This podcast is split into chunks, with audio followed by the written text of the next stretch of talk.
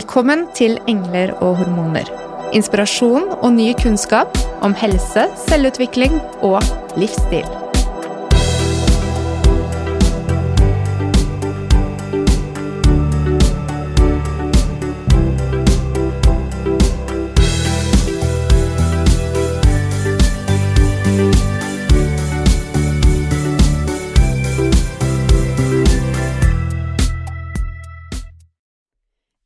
Nærmeste person i helsevesenet, det er fastlegen din. Alt starter her. Men hvem er de egentlig? Disse fastlegene, og hvilke arbeidsoppgaver ligger på deres skuldre når døren er lukket bak deg? Vi håper i dag å få noen gode innspill på hvordan du kan samarbeide og kommunisere best mulig med din fastlege. Hva kan du forvente, og hva forventer fastlegen av deg? Vi er så heldige å ha med oss en utmerket representant for eh, yrkesgruppen fastlegene i studio i dag, Marianne Nattvik, som også interesserer seg for kvinnehelse helt spesielt. Mm. Hjertelig velkommen. Tusen takk. Hyggelig å få lov til å komme. Altså, vi eh, synes det er utrolig viktig å, å fremheve fastlegene, eh, fordi de er viktige nøkkelpersoner i helse, altså oppfølgingen din. Og på klinikken så merker vi hvor verdifullt det er å ha et tett samarbeid med fastlegen, nettopp for å få det helhetsbildet Mm. på pasienten.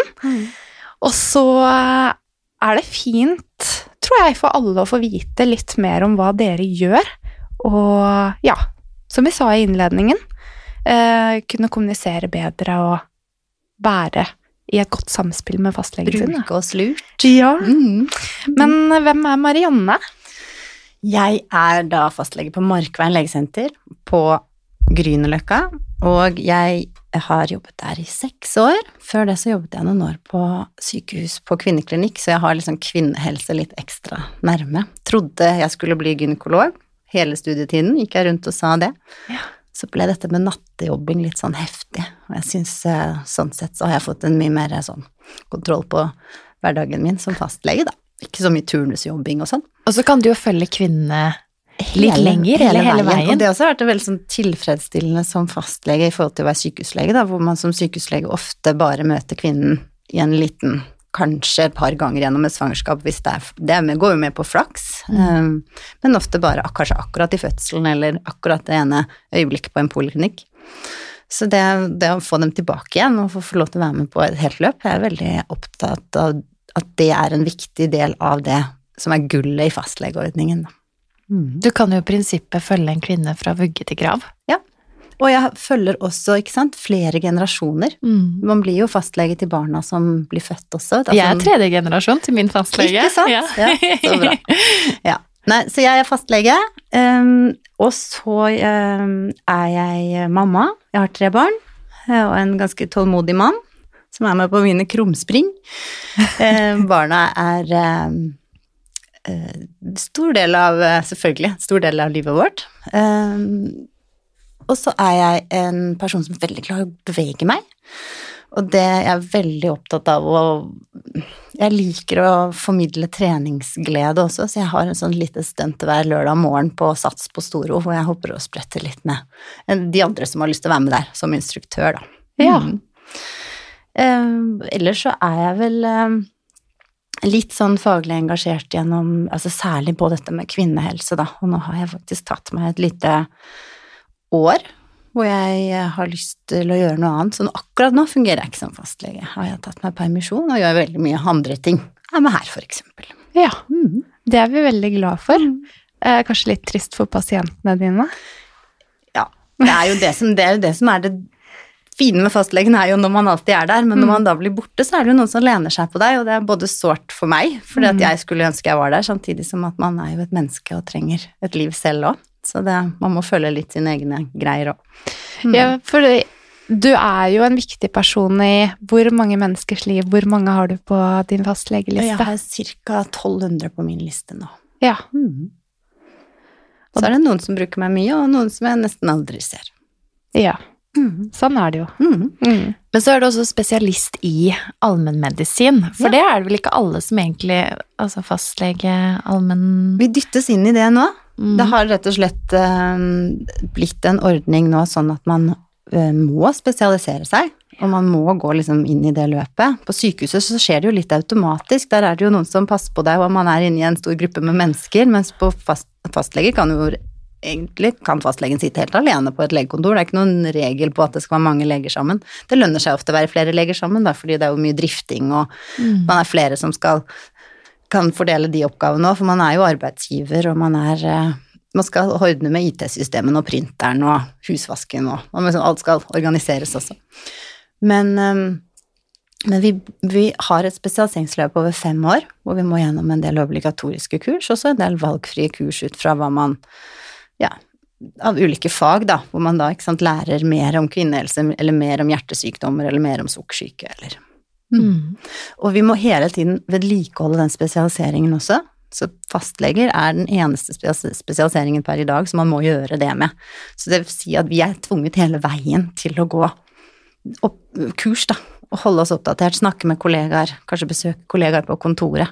Så samler vi det vi kaller poeng, og så får vi nok til å vedlikeholde en spesialisering. Det må vi gjøre hvert femte år.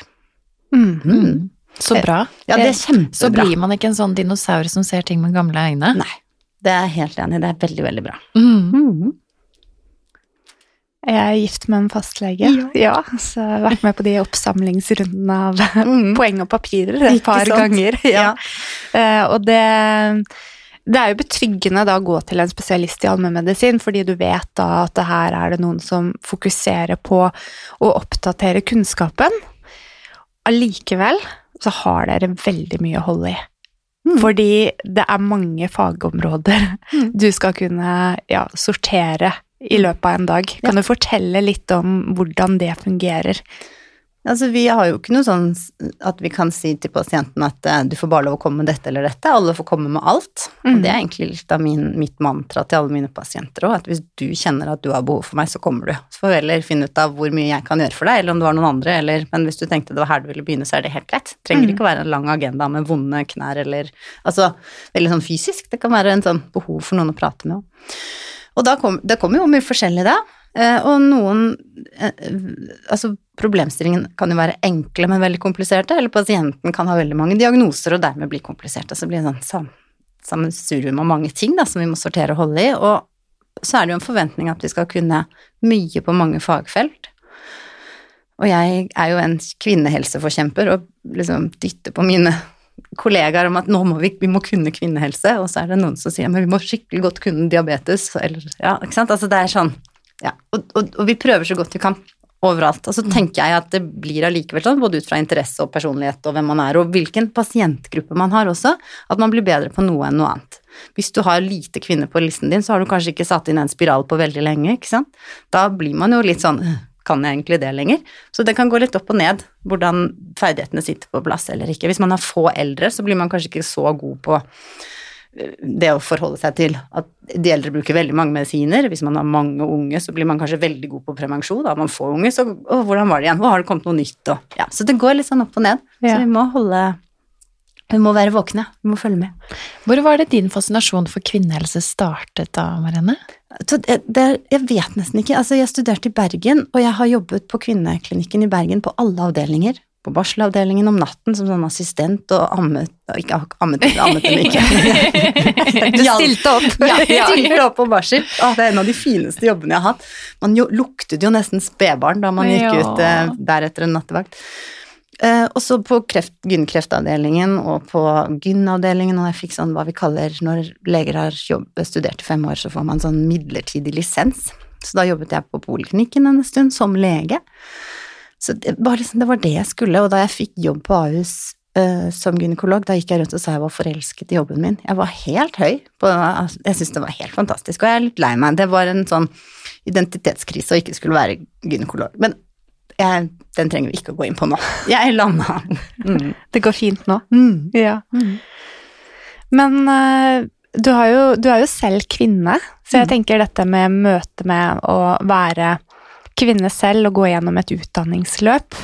Eh, hvordan er det da å se på mm, det dere lærer om helse i forhold til kjønn, for det er vi litt nysgjerrig på i forhold til hvordan det blir lagt opp i selve utdannelsen. Um, altså Utdannelsen er veldig sånn delt i forhold til fag. Så har man liksom noen måneder med nevrologi, og så er det jo forskjellig fra sted til sted også. Um, så har du noen måneder da med gynekologi og obstetrikk, da. Det var samlet i én bolk i Mm. mitt studie. Um, og så kan man si at kjønn kommer jo inn i mye mer enn bare selve kvinnefaget. Altså, man snakker om kvinner og hjertesykdom, så er det litt annerledes enn hos menn. Um, og da nevnes det vel som bis, Eller ja, som en del av det man snakker om der og da, da. Jeg vet ikke hva dere tenkte på i spørsmålet sånn. Nei, det, det er jo nettopp som du nevner med hjertemedisin og kvinner, for eksempel. Eh, der er det Eva Gert som forsker mye i Bergen nå. Um, og det er jo Kilden kjønnsforskning hadde en rapport nå tidligere dette året der det, de så på hvor lite av tiden som var dedikert til kvinnehelse i helseprofesjonsstudiene. Um, og vi er jo ikke leger, så vi er bare litt nysgjerrig på hvordan det er, fordi i fysioterapiutdannelsen for eksempel, så hadde vi veldig lite om Mm. kvinnehelse i grunnutdanningen. Mm. Det var uh, så vidt nevnt. Mm. Ja, og det er nok sånn noe man kanskje kunne tydeliggjøre mer, ikke sant? At man, når man snakker om alle temaer, kunne man si er det, at det kunne vært en sånn en grunnspørsmål som man skulle besvare. Er det forskjell på menn og kvinner i dette? Og så vil man noen ganger si nei, og noen ganger si ja. Men jeg, jeg kan ikke si at det har liksom blitt tydeliggjort så veldig, men at vi absolutt det, at, Ja, jeg har ikke følelsen av at vi ikke har snakket om forskjellen på menn og kvinner Mm. i fag. Det har vi jo helt klart gjort. Mm. Mm. For vi har jo noen sykluser vi går gjennom, og vi skal kanskje komme litt nærmere inn på det nå eh, i forbindelse med kvinnehelse og fastlegen sin rolle, da. Fordi vi, vi starter jo ganske tidlig å, å endre oss eh, og få syklus. Mm. Eh, og det har vi en episode med gynekolog Katrine Bjørke, som du gjerne kan gå tilbake og lytte til. Helt mm. først i biblioteket vårt, nesten. Mm. Um, så det, der er det jo at vi blir veldig ulike. Men uh, i forhold til um, I forhold til da graviditet og svangerskap, uh, så er det også mye endringer som skjer. Som en ny livssyklus. Mm. Uh, og, og så er det overgangsalderen til slutt, Mm. kanskje. Mm. Ja. Uh, er det mye um, spørsmål rundt disse fasene på ditt kontor? Jeg følger jo mange gravide. Jeg er jo veldig opptatt av at det vil jeg gjerne være med på. Være med i oppfølgingen. Der har vi jo også jordmødrene, ikke sant. Og det å få til et samarbeid med dem er viktig i dette, syns jeg. Eh, Jeg tror vi utfyller hverandre på noe vis, og jeg syns det er, i og med at jeg har fulgt kanskje denne kvinnen frem til hun ble gravid, og så blir hun gravid, og så skal jeg følge henne etterpå, så syns jeg det blir litt kunstig hvis hun bare skulle gått til jordmor i svangerskapet. Jeg vil gjerne være med på den reisen. Eh, og det gjør, gir meg en forståelse etter svangerskapet òg, pluss at jeg sitter jo med mye forkunnskap rundt denne kvinnen. Men jeg er veldig opptatt av at vi skal prøve å samarbeide, eh, eller jeg vil ikke bare prøve, jeg ønsker at vi skal det, fordi jeg tenker vi tilnærmer oss ting litt forskjellig og snakker om forskjellige ting. For mitt inntrykk er at man gjerne går til fastlegen på de første kontrollene, bare for å konstatere at man er gravid, og så tar man liksom blodprøver, så kanskje rundt uke 24 eller sånn, så kommer de inn på helsestasjonen, og så følges det opp hos jordmor videre der fram til fødsel. Ja, det er, litt, det er jo forskjellig, da. Mm. Eh, Jeg jobber i, da, som sa, i bydel Grünerløkka. Der ønsker vi altså Jeg har jo pasienter som bor i alle bydeler, men de kvinnene som bor i bydel Grünerløkka, møter en jordmor på helsestasjonen som sier nok annenhver gang er fint. Og det sier Ja. vi fastlegene. Og vi har laget et infoskriv som både fastlegene og jordmor deler ut, hvor det står annenhver gang. Og det er ikke noe sånn derre Det må være uke 32 der og uke 36 der, men, men det er et signal om at alle ønsker å være med, da. Og at vi tenker det er fornuftig. Det kan jo være til inspirasjon for flere andre Ja. fastleger der ute. Ja. Vi snakker om det på kurs og på samlinger og på Ja, at det, samarbeid er lurt. Så- men så er det, ikke sant, det er jo da Særlig i store byer så er det jo kanskje veldig mange Du kan ikke, gå, du kan ikke ringe og lage samarbeid med alle helsestasjonene, så det må liksom være noen i hver bydel som kanskje tar tak i sitt, eh, sin helsestasjon, da. Eh, På mindre steder kan det jo være at man sitter til og med i samme kontor, spiser lunsj sammen hver dag. Da blir det jo et annet annet samarbeid igjen, ikke sant. Ja. Så det er eh, fordel for akkurat i sånn samarbeid, så tenker jeg det er kanskje en fordel å være på et lite sted hvor man blir kjent med hverandre og ser hvilke kvaliteter man har, og skjønner hvilket samarbeid eller hvordan man jobber best sammen. Mm -hmm. Men den samarbeidskulturen som dere har fått, er det noe som lå der før du kom, eller har du vært med på å bygge frem eh, den eh, eh, Hva skal jeg si kulturen? Altså, jeg jobbet jo i jeg, var, eh, jeg bodde noen år i Lærdal i Sogn og Fjordane, og der var det et lite sted hvor man snakket sammen tettere. Um, og det som jeg særlig, om ikke det var så mye samarbeid med jordmor som preget meg da, så var det særlig dette samarbeidet med sykehuset, at jeg satt som fastlege, og så ringte jeg opp på sykehuset, og så visste de hvem jeg var, for jeg hadde jo jobbet der før, ikke sant. Sånn at det, da, dette med jeg sa i sted med å vite hvor man har hverandre, hva man representerer. Når jeg ringer og er bekymra, så ble jeg hørt, ikke sant, for de visste at jeg hadde gjort en ordentlig vurdering før. Um, og da, uh, så når jeg flyttet til Oslo, så hadde jeg så lyst til å få til disse samarbeidsflatene. Ehm, så jeg har vært veldig liksom, Jeg liker det samarbeidet, har jeg faktisk ganske godt på plass mot eh, Lovisenberg sykehus. For det er et lite sykehus som jeg forholder meg ofte til. Mange av mine pasienter skal legges inn der. Fantastisk lite, liksom, lite lokalsykehus midt i byen. Men, men så også helsestasjonen, da. Eh, men jeg må si det er ikke mitt initiativ, det er eh, hun eh, Kjersti Kellner, som, har, som er liksom Hun har jobbet i Helsedirektoratet tidligere og veldig opptatt av eh, jordmor som er veldig opptatt av liksom, god svangerskapsomsorg. Så hun foreslo at vi skulle prøve å samarbeide, så da var jeg veldig fort å rekke opp hånden og si at jeg ville være med på dette. Men hun skal få ære for det. Hadde det vært naturlig å hatt flere inn i en sånn gruppe, sånn som du ser det, i et tverrfaglig team? Er det flere som kunne inngå i den type samarbeid? Jeg synes, ja, altså, det er jo alltid en um, fin ting å samarbeide, men uh, jeg, jeg tror at man må være på en måte litt ansatt i kommunen for å få til at det blir naturlig, med mindre det kommer som en ressursperson. Da ville det vært kanskje mer som en sånn informasjon, at man kan lære noe av hverandre i møter eller Ja, vi har jo noen sånne samarbeidsmøter, vi legen, fastlegene i bydelene, som vi kaller ALU-møter i Oslo, eh, hvor det da kommer av og til en fysioterapeut og forteller noe, eller det kommer Ja, helsestasjonen kan komme og informere oss. Men akkurat jeg, jeg synes det er, Hadde vi hatt fysioterapeuter på helsestasjonen, så ville jeg tenkt det var veldig naturlig. Mm. Mm, men å ta med bare én fysioterapeut inn er ikke så lett, for alle kan ikke gå til den fysioterapeuten videre, ikke sant. Men sånn, eh, hvordan er det du har dialog med, med f.eks. fysioterapeuter eller osteopater eller andre innenfor muskel-skjeletthelse? Mye Det meste er via pasienten. Ja. Hmm. Men jeg har noen da, som jeg samarbeider ekstra mye med, og det er de, det er jo de som jeg Jeg liker godt en sånn PLO-melding, eller vi har noen sånn elektroniske dialoger mm, i journalsystemet vårt. Så sånne jeg eh, som epikriser som pasientene tar med, da. Ja, det går an, det. Ja. Mm.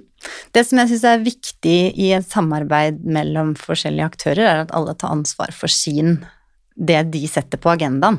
Mm. Eh, og at hvis man som behandler ønsker at fastlegen skal ta noen prøver, så må man respektere at kanskje fastlegen tenkte at det var det ikke grunn for, for vi ser på ting forskjellig. Og hvis man da likevel som behandler som ikke er fastlegen, ønsker å få tatt dem, så må man finne noen Altså, vi kan, man kan ikke se, gi hverandre oppgaver som ikke er relevante, men ofte Skjønner dere hva jeg mener i det? Definitivt. Mm. Og det er jo um, det, det er jo et ansvar for oss som sitter og møter pasienter på en annen måte uten muligheter til å ta røntgen eller blodprøver eller sånt, og prøve å identifisere eh, faktorer som kan være en årsak til at pasienten vår har utfordringer, men som ikke ligger på vårt bord. Mm. At vi skal søke ut på samarbeid til den personen som da kan hjelpe pasienten på en bedre måte.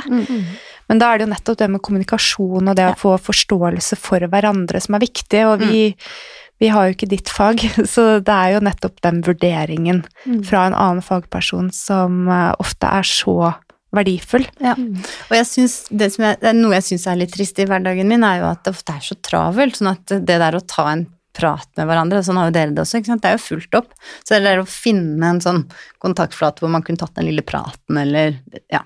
Sånn har jeg det med noen eh, aktører. Man, jo lenger man sitter, finner man seg noen man samarbeider godt med. Så jeg har liksom en gynekolog jeg snakker litt med innimellom. Altså hvor vi da på en måte blir godt kjent og samarbeider bra, da. Men å kunne ha den kontaktflaten ut mot alle er, er jo utfordrende.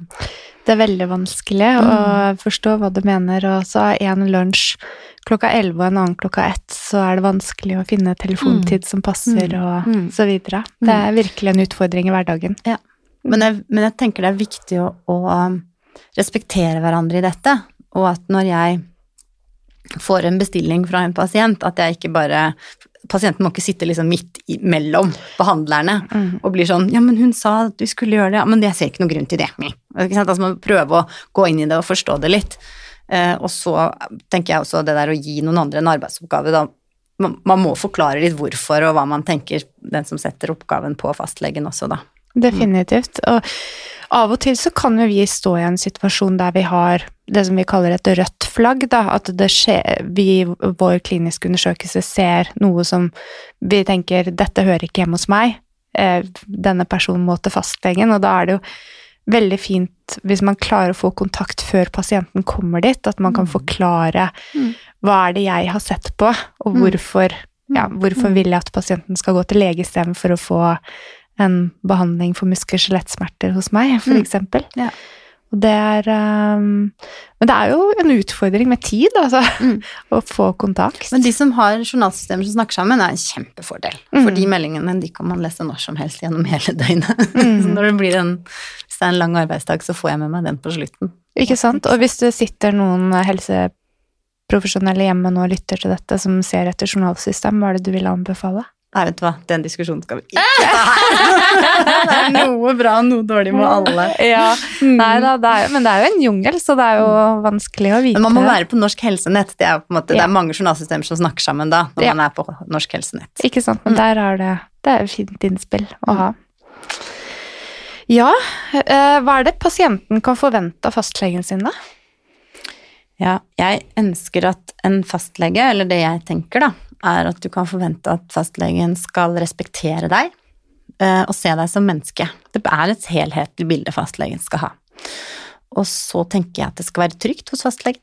Skal oppleve at sant, det kan være steder hvor fastlegen Jeg snakker om, ofte om fastlegens hatter. At man kanskje er naboen også. Eller at man har barn i samme klasse. Eller? Altså, hvert fall på mindre steder så har man ofte Jeg har sittet på møter hvor det ikke sant, noen Flere av møtene Nei, eller flere av møtedeltakerne har hatter i forhold til hverandre. Hvordan vi må liksom allikevel kunne klare å eh, være trygge mot hverandre. og Det er taushetsplikt, og det er eh, omsorg, og det er Vi må ta oss på en måte um, andre inntrykk eller annet vi har hørt. Vi må høre på hva som skjer her og nå. Så det er, noe, det er mye respekt i det. Og så er jeg opptatt av at man skal eh, lytte og vise forståelse etter beste evne. Og engasjere seg i pasienten. Og så må man jo hjelpe på en sånn måte som Det er jo noen ganger man kan komme med ting som man kanskje kan bare ta av skulderen til pasienten en gang. Dette her var jo ikke så farlig, og andre ting er jo en stor ball. Og da er det av og til at jeg må si til pasienten at her vet jeg ikke. Og da må man finne, prøve å hjelpe til å finne et svar, da. Og om ikke jeg finner det, så jeg tror det er lurt av helsepersonell, samme hvilken faggruppe man er, å si at her kommer jeg til kort, her må jeg ha hjelp. At man ikke prøver å Være kong... Eller Ja, vite alt. fikse alt. Mm. Eh, Den, det, jeg tror man får mer respekt av det enn å drive og surfe på noe man ikke Ja. Og jeg er, er helt u... Jeg slår opp mens pasienten sitter inne. Eh, På kontoret mitt, og noen ganger må vi ikke sant, Jeg har noe verktøy jeg kan slå opp i, men jeg, googler òg, hvis det er det vi må Altså, det, det er noe med å finne kunnskap, da. Og det å skape tillit, egentlig, til eh, Absolutt. Og det tror jeg man får hvis man er ærlig og tydelig og viser respekt. Hmm. Hva forventer du av pasientene, da?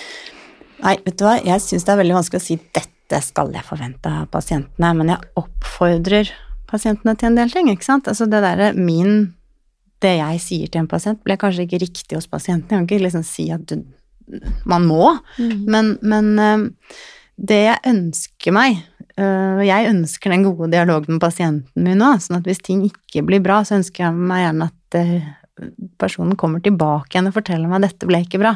Mm. Det blir en bedre dialog, jeg blir en bedre lege, og vi blir bedre kjent, enn når man da går til noen andre. Ikke sant? Ja, fastlegen min er helt håpløs, ingenting funker. Altså, det er å gå tilbake og si fra. Og et sted hvor det som jeg bare har lyst til å trekke frem, det siden vi nå også er litt sånn på kvinnehelsesporet, det er jo også i forhold til prevensjon.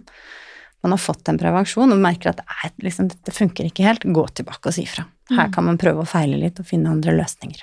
Det er jo så individuelt hva som passer en selv best. Ja, Ehm,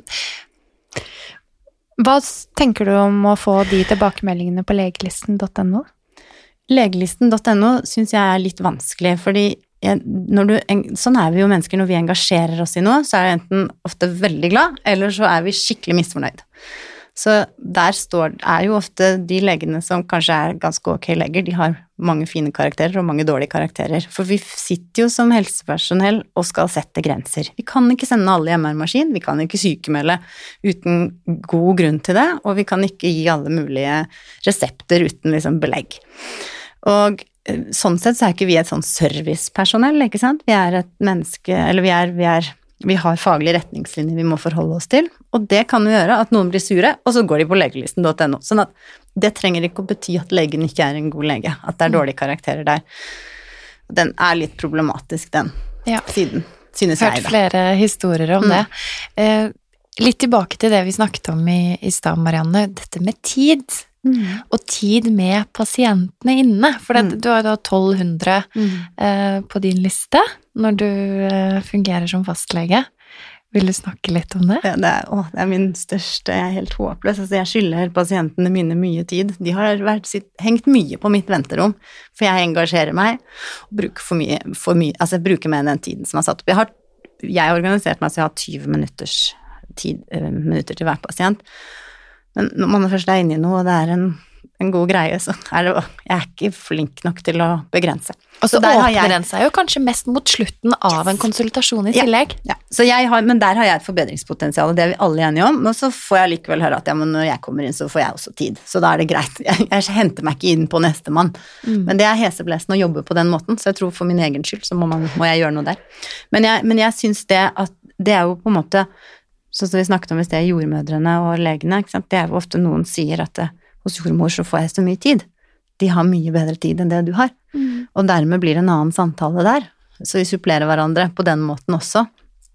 Eh, og, så, og så tenker jeg at det er noen fastleger som er flinkere enn Eller mange som er flinkere enn meg til å strukturere liksom timen, og jeg også kunne nok ha snevra inn og sagt nå må du komme tilbake igjen i morgen, eller når du får en ny time.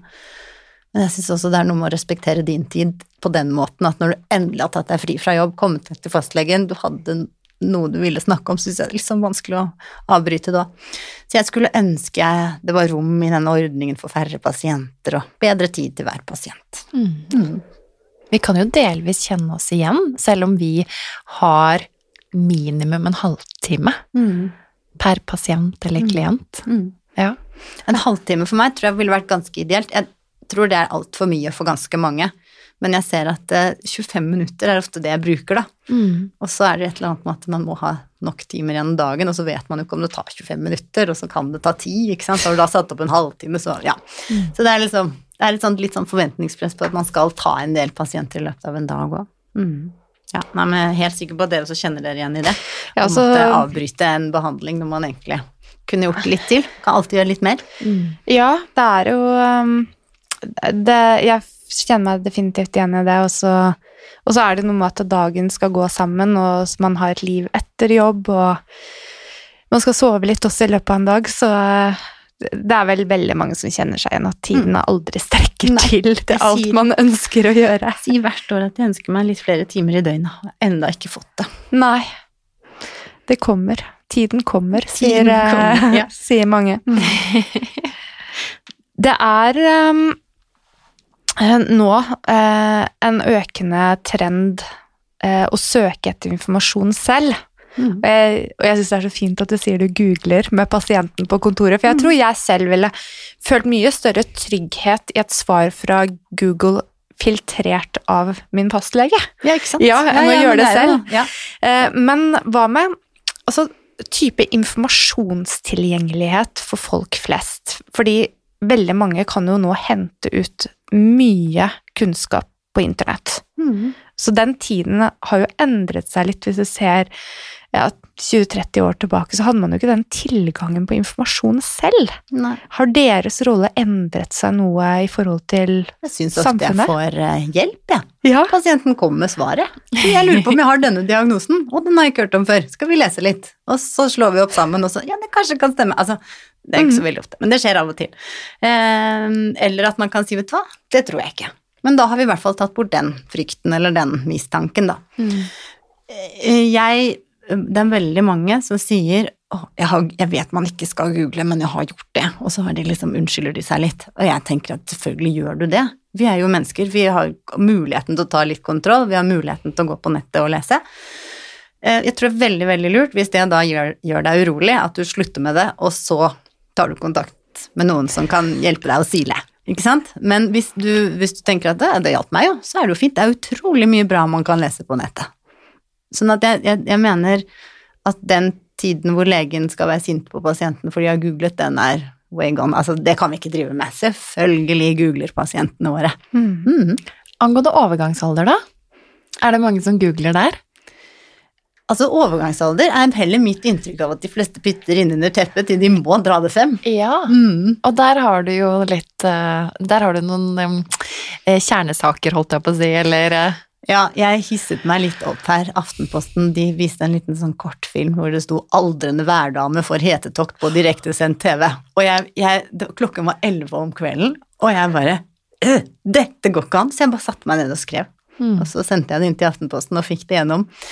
Så jeg laget en liten debattinnlegg der, men mitt, mitt argument da var at vi må ha et språk som vi kan prate. Det er ingen som forteller oss noen ting om overgangsalderen hvis ikke vi oppsøker det selv, eller vi spør noen. Um, det er ikke noen helsesøster som, sånn som de gjør i puberteten, ikke sant. Så kommer helsesøster inn og vi ler av, eller helsesykepleier. Eller det er noen andre som kommer inn og vi syns det er litt kleint og litt flaut, men vi får i hvert fall noen ord på plass, og vi ler litt, og vi får litt sånn felles språk, da, som, som mennesker. Og så i? Det er liksom pubertet og syklus og prevensjon og sånn, det blir noe rundt der. Og så kommer vi til svangerskap, hvor der er, er det obligatorisk å følges opp, ikke sant. Så, øh, og man kan diskutere om det er bra eller ikke, men det er i hvert fall Vi snakker, og vi etter fødsel, altså spør du en kvinne om fødselen hennes, så er det de fleste forteller om den. De fleste forteller om barseltiden sin. Vi er mer og mer åpne på Og det er kjempebra. Når det kommer til overgangsalderen, så syns jeg i hvert fall det jeg har opplevd og, uh, Så er jeg nok litt engasjert selv, for jeg skal vel inn i den snart, tenker jeg. Det, dette her skal jo, er jo alle kvinner i hele verden går gjennom dette. Hvis man er så heldig å få oppleve den. Ja, det kan du si. Det er ikke Mm. alle som får like mye symptomer. Men, uh, Nei, men jeg tenker på hvis man liksom lever så lenge. lever så ja. lenge.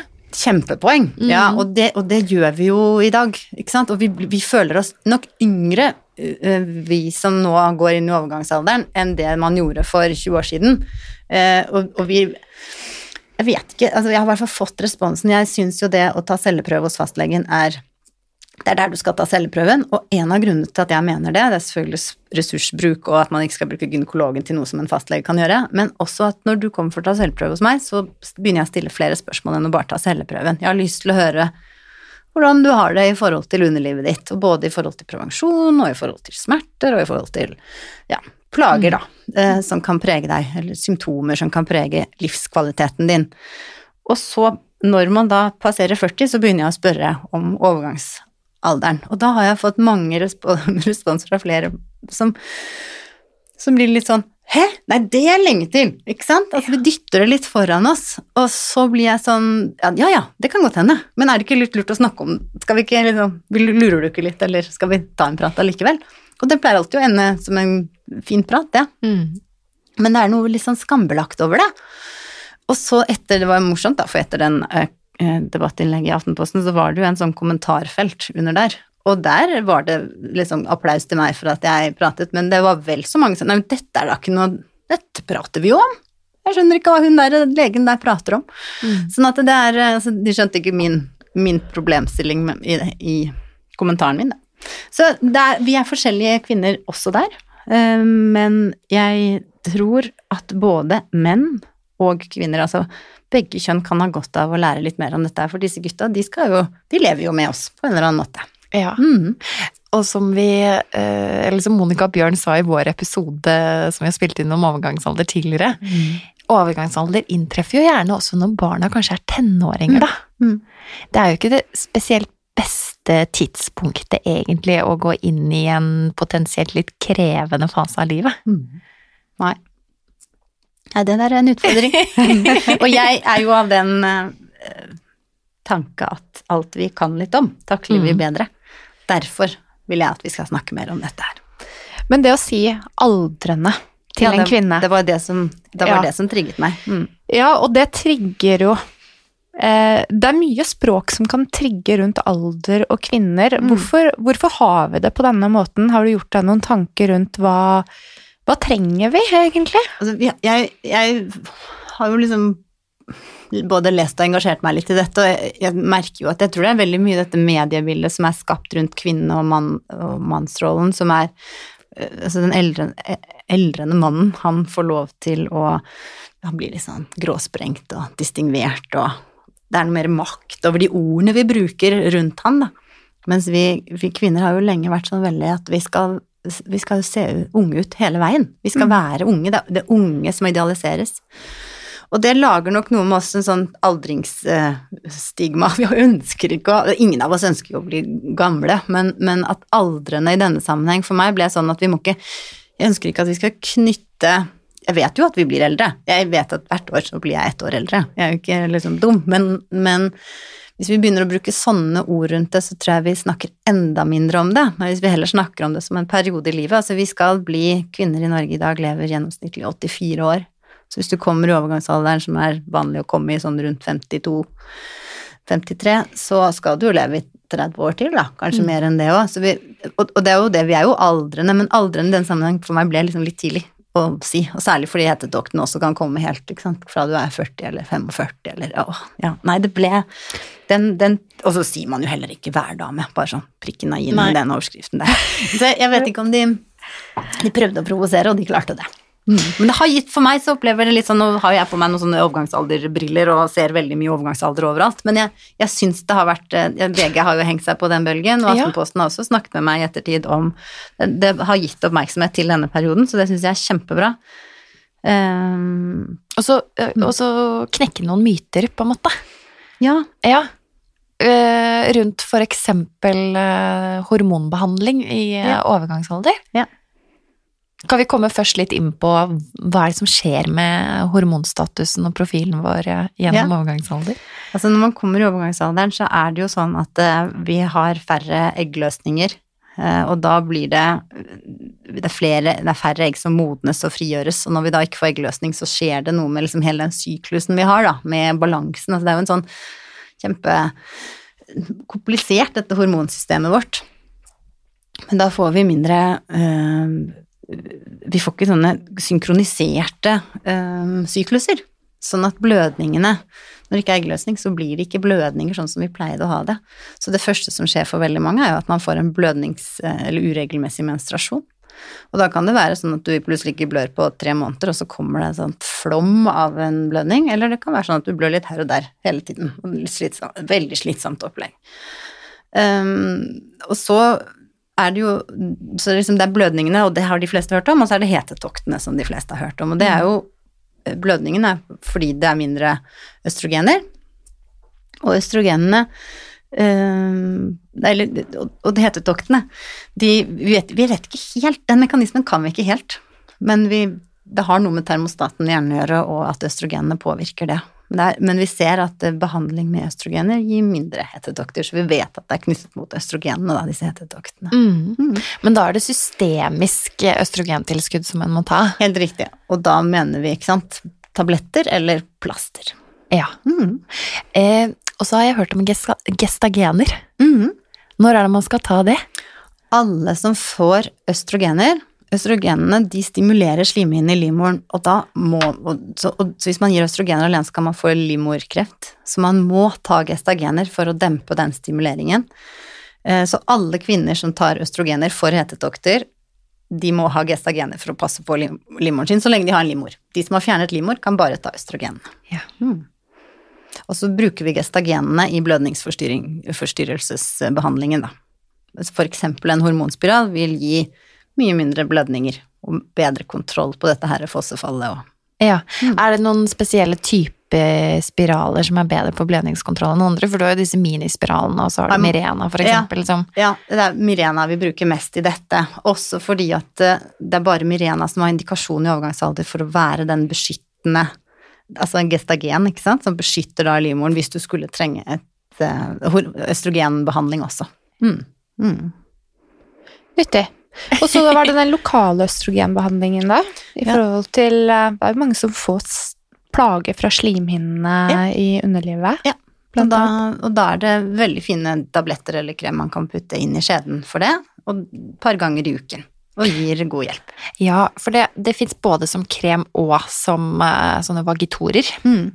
Um, for det er jo mange som kanskje får krem, men så opplever de en sånn tørrhet og sårhet dypere inn, for eksempel ved samleie. Mm. Jeg skal innrømme at jeg skriver helt klart mest resepter på disse vagitoriene, Ja. som man kan ta to ganger i uken. Da har man liksom Ja, da har man mange andre kvelder man kan gjøre andre ting hvis man vil. Mm. Ja. Ja, for det er jo, det er jo en liten jobb å gjøre. Mm. Mm. Mm. Så det er, eh, men effektmessig, vil du si at du syns Er det mest det praktiske i det, eller er det mer eh, det sånn, De skal ha lik effekt?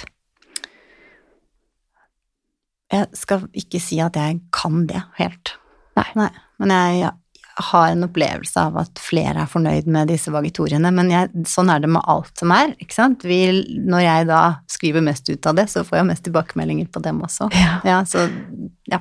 Skal Sånn er verden, altså. Ja, ja. Vi, vi må av og til eh, være oppmerksom på at vi har egne briller. Mm, det er så fint å speiles i hverandre av og til. Ja.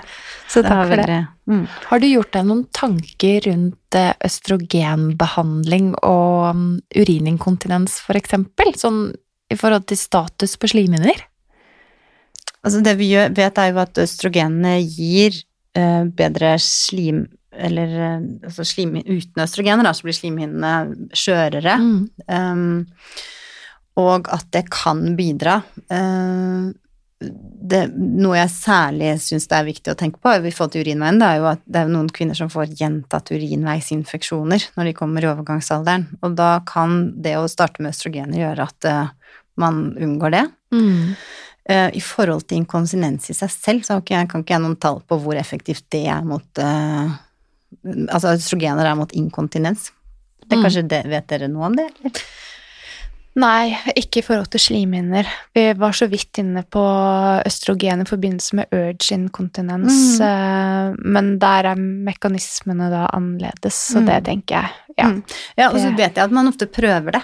Ikke sant? Og så Mm. ser, vi, ser man hvordan det går. Men det kan være litt Det er jo sånn med det meste med kvinner, da. Ikke sant? Hvordan finne den riktige prevensjonen, hvordan finne den riktige behandlingen i overgangsalderen, hvem er det som trenger hva. Det er en individuell vurdering, og det er liksom overskriften. Mm. Og så må man få lov til å finne Altså være med på den reisen med legen sin, da. Man må av og til være litt tålmodig. Ikke sant? Både lege og pasient. Ja, det tenker jeg er viktig. Og så um, ja, tørre å ha den der åpne dialogen, som du sier. Men ehm, hvilke andre symptomer er det som gjerne kommer eh, med, med en lavere østrogenstatus i kroppen? Altså, vi har jo disse østrogenreseptorene veldig mange steder i kroppen. Sånn at vi får jo veldig mye Når det er mindre østrogen, så kan man få mye symptomer. Så er det ikke alt vi skjønner. Det er ikke alt vi liksom har kunnet si det er akkurat derfor dette skjer.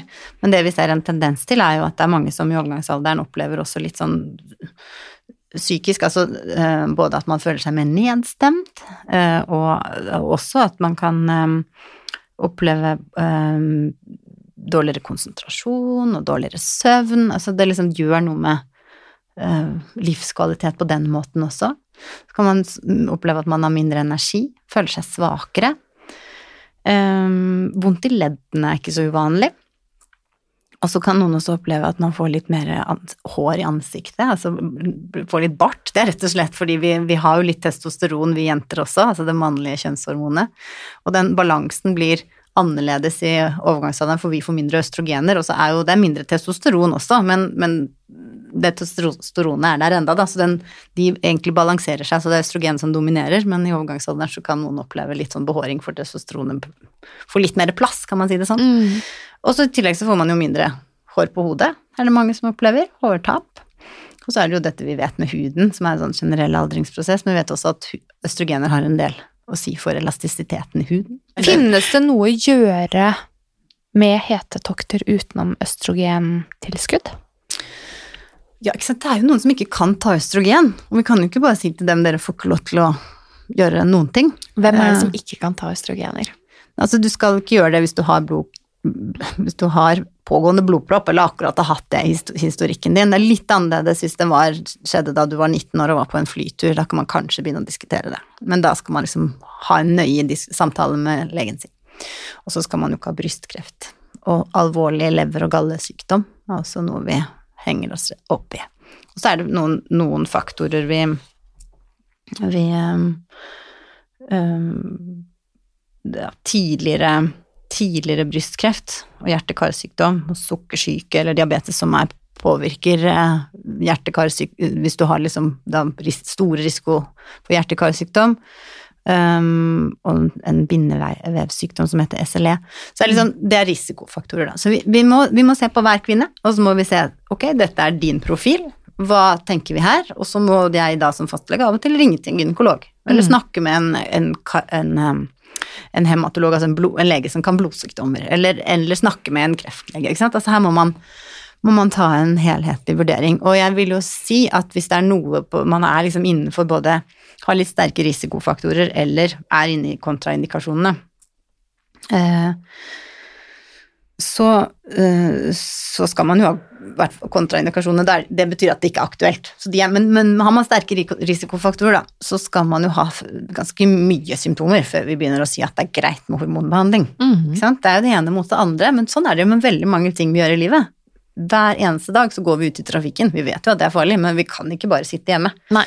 Så jeg mener det er en litt, kanskje en litt banal sammenligning, men, men sånn er det litt her òg. Og jeg tenker at det, vi har jo også vært gjennom en sånn veldig skifte, ikke sant. Disse hormonbehandlingene, de var jo På 2000-tallet så kom det en studie, Women's Health Initiative, som Altså, tallet stupte, for de sa jo at dette var livsfarlig å bruke, alle fikk kreft, og det var veldig, veldig skummelt. Eh, og så har man sett på disse, denne studien på nytt igjen, når man har nyere, ikke sant, ser, finner ut av flere ting, og så ser man at det som skjedde i den studien, det var at man hadde gitt hormoner, litt uavhengig grunn, til kvinner over 60 år, og, og det, i Norge så har vi en litt sånn gyllen grunnregel at man skal være under 60 for å få det. Man har også gitt over lang tid, og så andre hormoner enn det vi bruker i dag. Et helt sånn Det hadde ikke gjort denne individuelle vurderingen som jeg nå snakker om, da.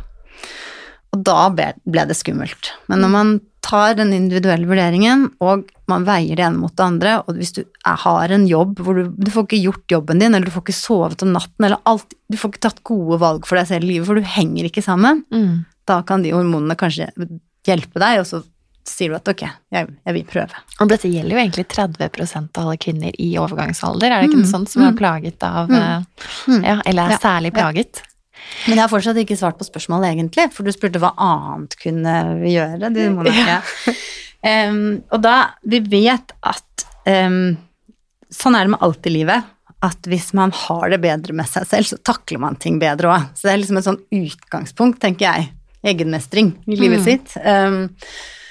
Um, og da vet vi at det er mange ting som kan gjøre det. Få ned den her pulsen og de stresshormonene. Om det er om du velger da meditasjon eller yoga eller tur i skogen eller det som funker for deg er å brettseile eller klatre, altså det, sånn er vi forskjellige.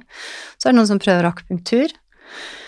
Um, og så er det Det er jo noen andre medisiner også, og jeg vet at Monica Bjørn var veldig tydelig på at man aldri, hun mente man aldri, aldri, aldri skulle gi antidepressiva. Uh, men det er noen studier som viser at det kan hjelpe noen, da. Så her er det en litt sånn Jeg tenker at vi kan ikke i en individuell vurdering så er det også sånn at hvis man sitter og ikke har noe liv, og ikke, altså, opplever at man har så sterke symptomer at livskvaliteten er veldig dårlig, og um, man hører at man kanskje kunne og Får ikke lov å ta østrogener, det går ikke an, og så hører man at man kan prøve antidepressiva, så tenker jeg vel at det er lov å prøve. Ikke sant? Og så funket det ikke for deg, så skal du jo ikke fortsette på en medisin som ikke funker. Mm. Men det er noe annet enn å kalle det en depresjon, eller si at nå er du deprimert, det er derfor jeg gir deg denne her, men vi vet at for noen kan dette kanskje virke, vil du prøve? Mm. Mm. Jeg hengte meg litt opp i eh, før og etter 60 med tanke på eh, hormonbehandling. Ja. Hva er grunnen til det? Nei, da øker risikoen for Altså, østrogenene stimulerer jo den, Kreftrisikoen øker, da. Ja, Mm. etter 60. Mm. Og, og du så har er det hjerte-karsykdom. Det er vel kanskje spesielt kanskje, i forhold til hjerte-karsykdom og blodpropp og den, den risikoen der som er øker. Sånn at hvis du kommer da i overgangsalder eh, rundt 52, så må du da slutte på østrogenbehandling når du er eh, Helst etter fem år. Ja. Fem, de fem, det er først etter fem år man snakker om at det er en sånn ordentlig reell brystkreftrisikoøkning. Ja. Mhm. Men, men eh, man eh, Når man begynner med østrogenbehandling for plager i overgangsalderen, så er det oppfordres vi til å ha pasienten inn til en kontroll en gang i året. Og da er det, hel, da er det liksom mål Det er jo helt inn minst mulig dose i kortest mulig tid. Så da kan man etter et år ta en vurdering. Hvordan går det? Funker det, funker det ikke? Er det nå sånn at vi For man begynner kanskje med litt mer hormoner, og så ser man at man kan trappe ned. Til å med så lager man en kunstig syklus med hormonene, og etter hvert så gir man Og da er hormonene litt varierende gjennom måneden hvordan man tar dem, og så etter hvert så går man over på mer sånn kontinuerlig tilskudd av hormoner. Um, og den der vurderingen. Når skal man gå over dit? Og det her, er, det her er lett å lese på papiret, og så er det komplisert i virkeligheten. Så her må man bare gå og fortelle historien sin til legen, og så må legen og pasienten sammen ta en prat. Da. Er det andre ting som du som sitter og snakker med kvinnene på kontoret ditt, har lyst til å fremheve når det gjelder ja, enten overgangsalder eller andre ting som vi kvinner kan tenke spesifikt opp på i møte med fastlege? Altså, jeg er så enig med Monica Bjørn, og jeg ble så fascinert av hennes sånn utrolig tydelig stemme på dette med trening.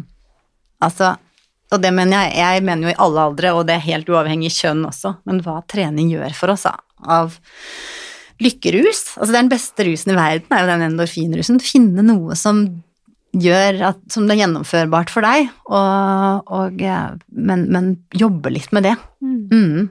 Eh, og hun var jo veldig for styrketrening, og det er jeg helt enig i. Styrketrening, altså Vi mister jo muskelmasse når vi går, blir eldre, så bygge opp den vil gi bedre livskvalitet.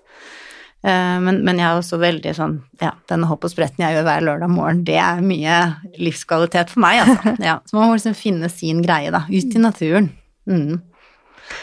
Egenmestring? Egenmestring, ja. Og jeg tenker vi kommer gjerne litt mer inn på det på torsdag, så kan lytterne få høre litt mer om egenmestring og hva du blir inspirert av. Eh, Men det er veldig stas. da. Jeg føler vi har hatt en utrolig god gjennomgang av hvordan du ser på det å jobbe som fastlege, og jeg håper at alle også har fått den forståelsen av at når du kommer til fastlegen din, og du kan se deg som et individ, at det finnes så mange muligheter for å justere og hjelpe nettopp deg til å få bedre helse og finne en kombinasjon av tiltak som kan hjelpe deg til å ha et bedre liv. Så det er nesten sånn landsbylegen på Grünerløkka. Ja. ja. Og så må jeg også få si at alle vi fastleger er altså bare mennesker, ikke sant? Og vi mennesker, vi lager kontakter, um, og noen kontakter blir bedre og noen dårligere. Sånn at hvis du kjenner at fastlegen din, hvis det ikke er den gode kontakten med fastlegen din, så har du også lov til å bytte. Og det kan man gjøre to ganger i året. Og det jeg opplever at jeg ser en pasient, og så ser jeg de har byttet liste, jeg også. Sånn at sant, det er noen som liker oss, og noen som liker oss ikke, og ingen kan lik, bli likt av alle. Så det er bare, det er ingen fastleger som kan bli fornærmet for at du bytter liste. Altså, det er noen som kjenner sånn, nei, jeg kan ikke bytte, og hva tenker fastlegen min da? Sånn. Vet du hva, det er ditt liv. Du lever bare én gang. Du får styre hvilken lege du vil ha selv. Fantastisk avslutning, og tusen takk for at du kom hit i studio i dag, Marianne. Tusen takk for meg.